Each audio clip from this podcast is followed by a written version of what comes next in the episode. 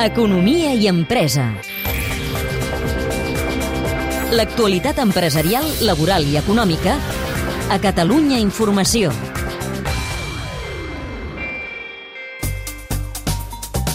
Entre les moltes preocupacions que tenen les petites i mitjanes empreses hi ha la d'evitar el frau dels seus competidors. D'aquests n'hi ha que fan les coses malament, a matèries primeres de baixa qualitat que no es corresponen amb el que diu l'etiqueta o bé que busquen subterfugis per al·ludir els controls. Així poden aconseguir un preu més baix, baixant també, lògicament, la qualitat. Per frenar aquestes pràctiques i ajudar les pimes s'acaba d'engegar el projecte europeu Qualify, liderat per la Generalitat, i on també hi participen França, Grècia, Bulgària, Estònia i Eslovènia. Justament Concretament, representants de cambres de comerç d'aquests països han visitat Catalunya on han pogut conèixer de primera mà els controls de qualitat interns que tenen algunes pimes catalanes. Hem anat amb ells a Sant Sadurní de Noia on hem visitat Xocolata Simancoll i les bodegues Sumarroca. Som a les Caves Sumarroca, enmig de 500 hectàrees de vinya. L'anòleg Òscar Llombard explica al grup d'una dotzena de persones de diversos països europeus quins processos segueix el cava fins que surt amb les ampolles etiquetades de la fàbrica. Hi ha interès per saber com s'obté la màxima qualitat. Will be aging some characteristics to the cava, no? En anglès, l'Òscar Llombard explica com treballen i respon totes les inquietuds.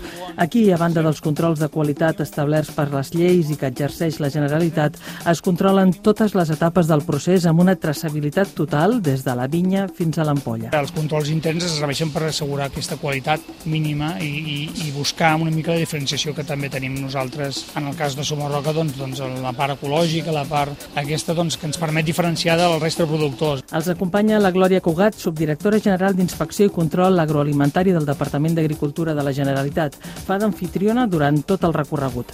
Aquí comença aquest projecte que els portarà a conèixer iniciatives iniciatives dels altres països participants. El que toca avui és ensenyar les bones pràctiques que es fan a Catalunya. Les sessions de treball, com la d'avui, que és la reunió Kickoff, ha tingut per objectiu, primer, conèixer-nos entre els socis, perquè avui comença el projecte, però sobretot l'objectiu principal és compartir, compartir experiències, compartir bones pràctiques, compartir metodologies de treball i casos d'èxit. L'objectiu és ajudar aquestes petites empreses agroalimentàries catalanes a que es coneguin els controls rigorosos que tenen, que els aporten una alta qualitat de producte. El 90% d'aquestes empreses són petites i mitjanes empreses que competeixen en un mercat global amb, alt, amb altres grans empreses. Llavors, per posar en valor el, els productes que fan aquestes petites i mitjanes empreses, hem cregut que donar a conèixer tots els sistemes de qualitat que tenen i totes les garanties d'autenticitat i de lluita contra el frau que ells fan és el que els permetrà diferenciar-se en aquest mercat global i de retruc doncs, ser més competitives. L'olor de xocolata ens arriba només trepitjant l'empresa Simon Coll de Sant Sadurní, que fabrica xocolata des del 1840.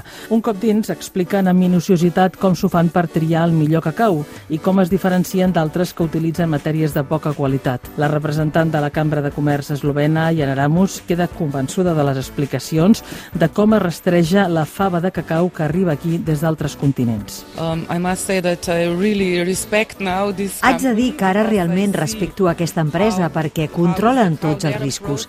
La persona que ens ha fet la presentació ha demostrat que són experts i s'hi pot confiar. Per mi ha estat molt interessant perquè no tenim experiència en fraus de l'àmbit del cacau.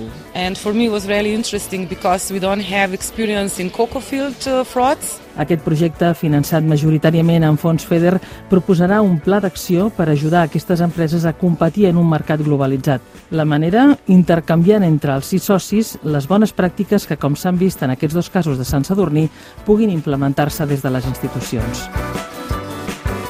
És un reportatge de Montse Gené que teniu ja disponible al podcast de l'Economia i Empresa.